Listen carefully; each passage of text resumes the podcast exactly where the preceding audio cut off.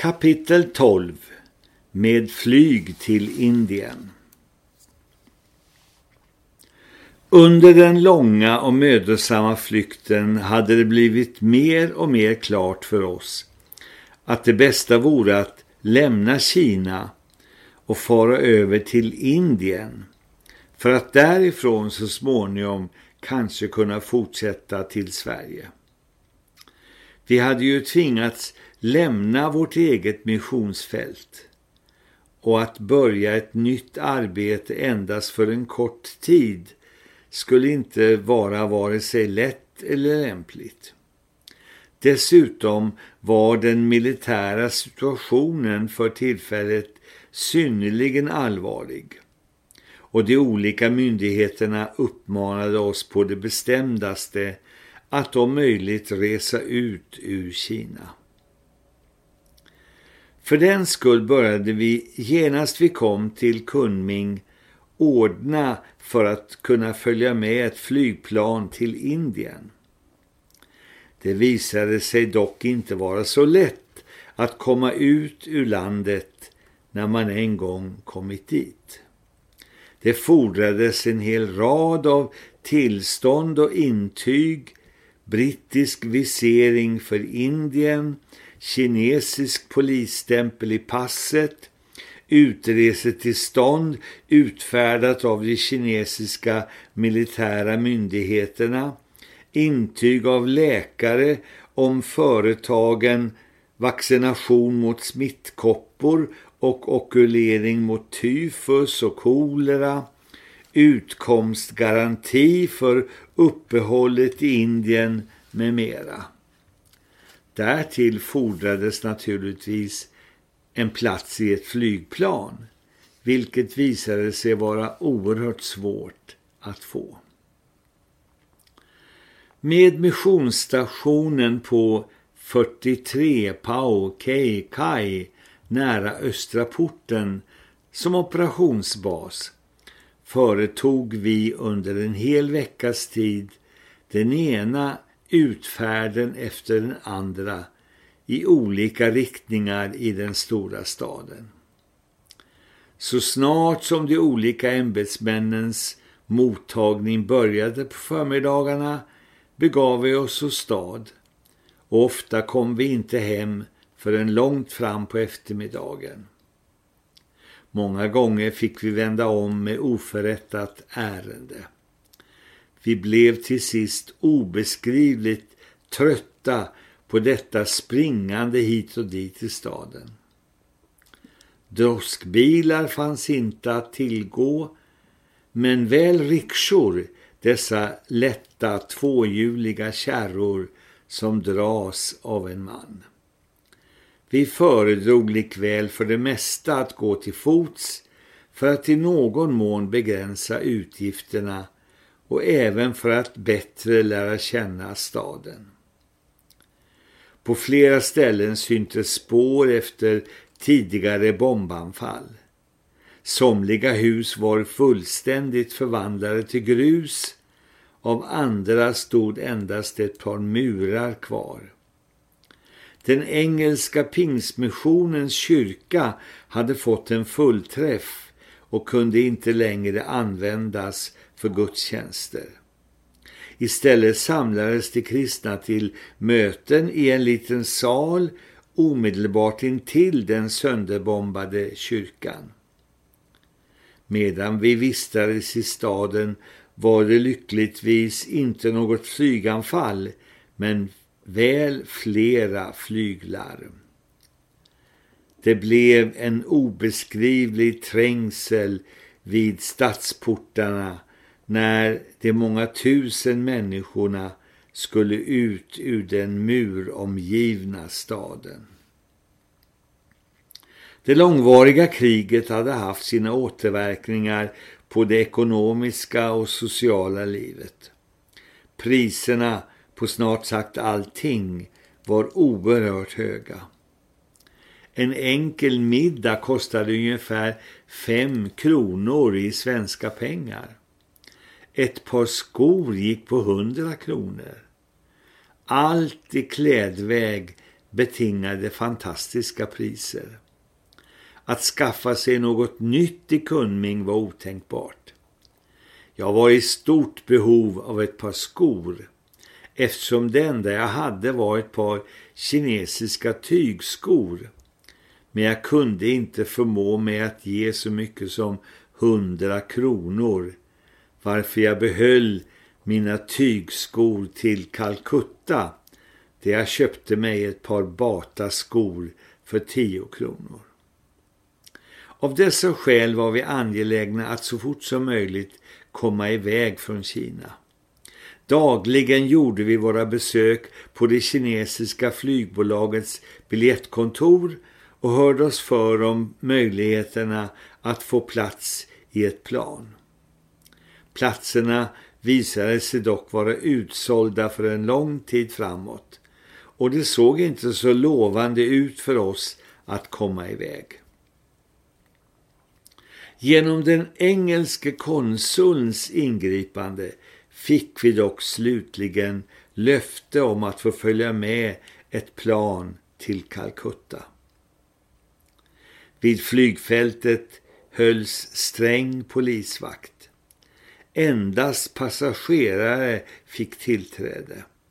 Genom en stor hall där passagerarnas bagage och papper kontrollerades och där det ännu fanns anslag som påminde om den tid då Deutsche Lufthansa ombesörjde trafiken mellan Kina och Europa genom flyglinjen Eurasia kom vi ut på det stora flygfältet just som flygplanet svängde in på sin plats.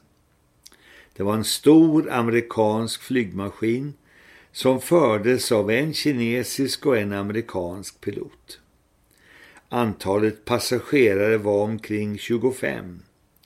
Jag var bland de första som steg ombord och fick en plats långt fram omedelbart bakom den högra vingen.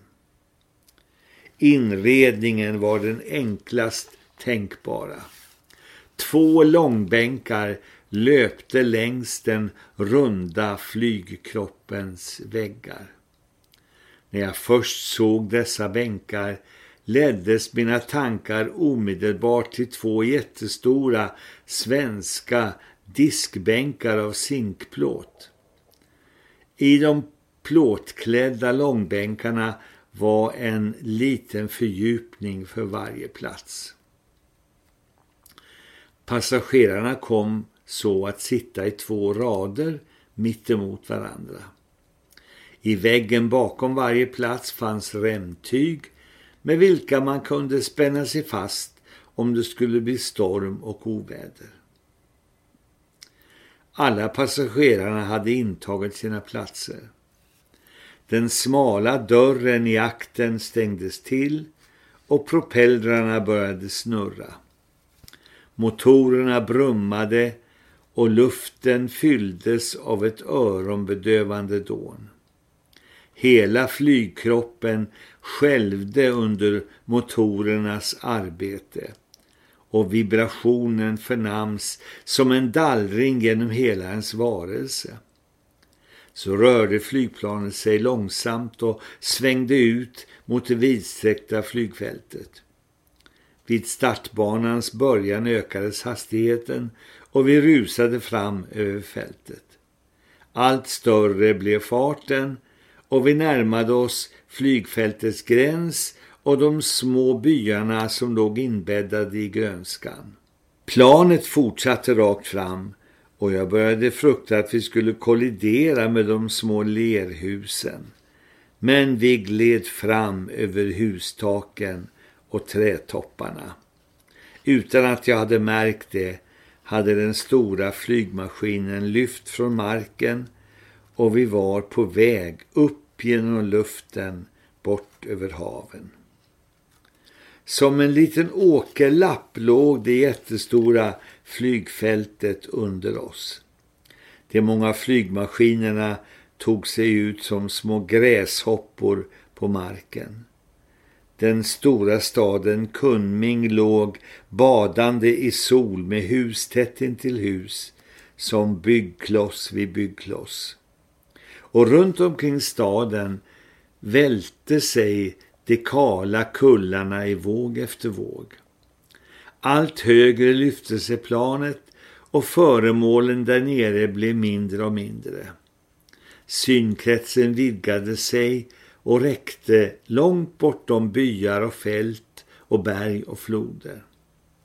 Det var som stod vi stilla under det att jorden flyttade sig längre och längre bort från oss.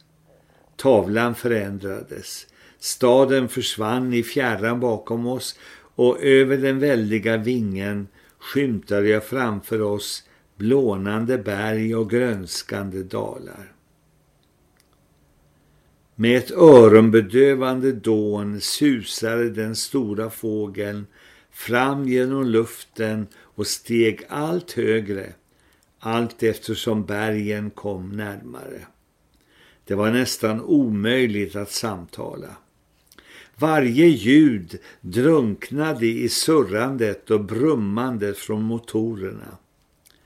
De flesta passagerarna såg vakna och intresserade ut och blickade kavat ut genom de små runda fönstergluggarna. Men så började planet guppa i luftgroparna. Det skällde till i vingarna när planet sjönk och det var som om flygmaskinen hade försvunnit under oss.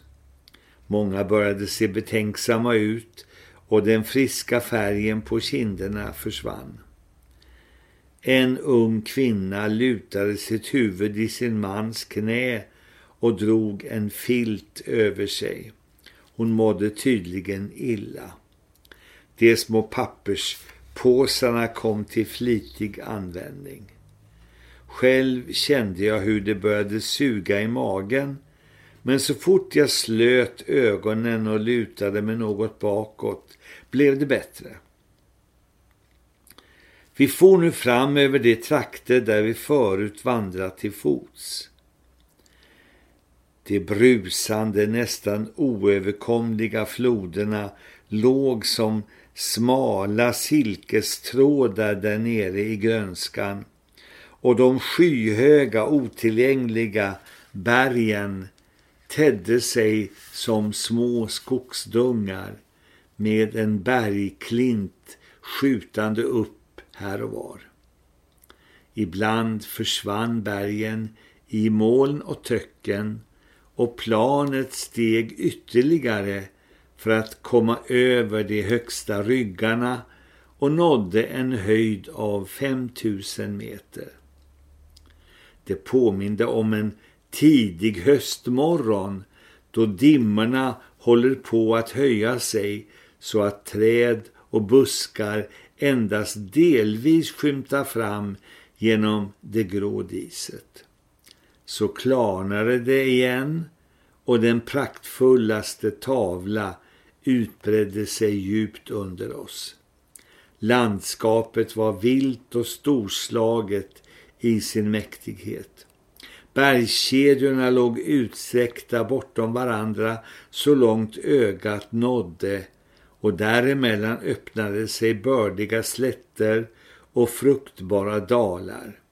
Floder och strömmar grenade ut sig likt nerverna på ett blad och forsarna skummade vita mellan bergen.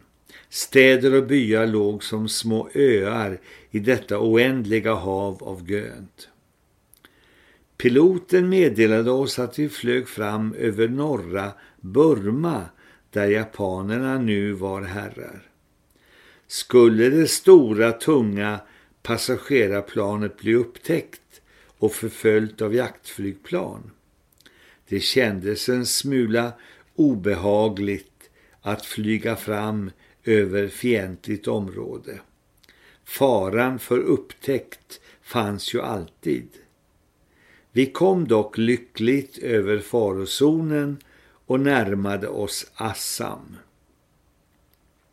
Landet sänkte sig och planet lika så. En grön vidd utbredde sig under oss som en mjuk gräsmatta. Maskinen sänkte sig i en vid båge. Det guppade till och vi föll liksom etappvis ner mot den saftiga grönskan. En bred flod flöt fram där nere på slätten. Den ringlade sig som en jätteorm i gräset. Det var Brahmaputra som var på väg från de ödsliga trakterna norr om Himalaya till Indiska havets lekande vågor. Efter ytterligare några minuter landade vi på det lilla flygfältet vid Dinjan. Vi steg ur planet och en fuktig drivhushetta slog emot oss. Värmen gjorde gott efter kylan över de höga bergen. Det var en helt annan bild som här mötte ögat. Stora bananplantager kröp ända in på flygfältet där stora transportflygplan låg och väntade. Engelska officerare i vita uniformer gick av och an på fältet och brunhyade svartögda indier skötte om servicen. Denna mellanlandning för påfyllning av olja och bensin varade endast en kort stund varefter vi intog våra platser och färden fortsattes mot Calcutta. Vi hade förut huttrat av köld och knäppt igen rocken och slagit upp kragen, men nu fick vi bada i svett. De sista timmarna gick emellertid fort och efter omkring sju timmars sammanlagd flygning såg vi den eviga Ganges under oss och vi landade på flygfältet Dum-Dum utanför Calcutta. Slut på läsning av boken Japanerna kommer av Agne Holmberg. Förlaget Philadelphia 1945. Uppläsare Ingvar Holmberg.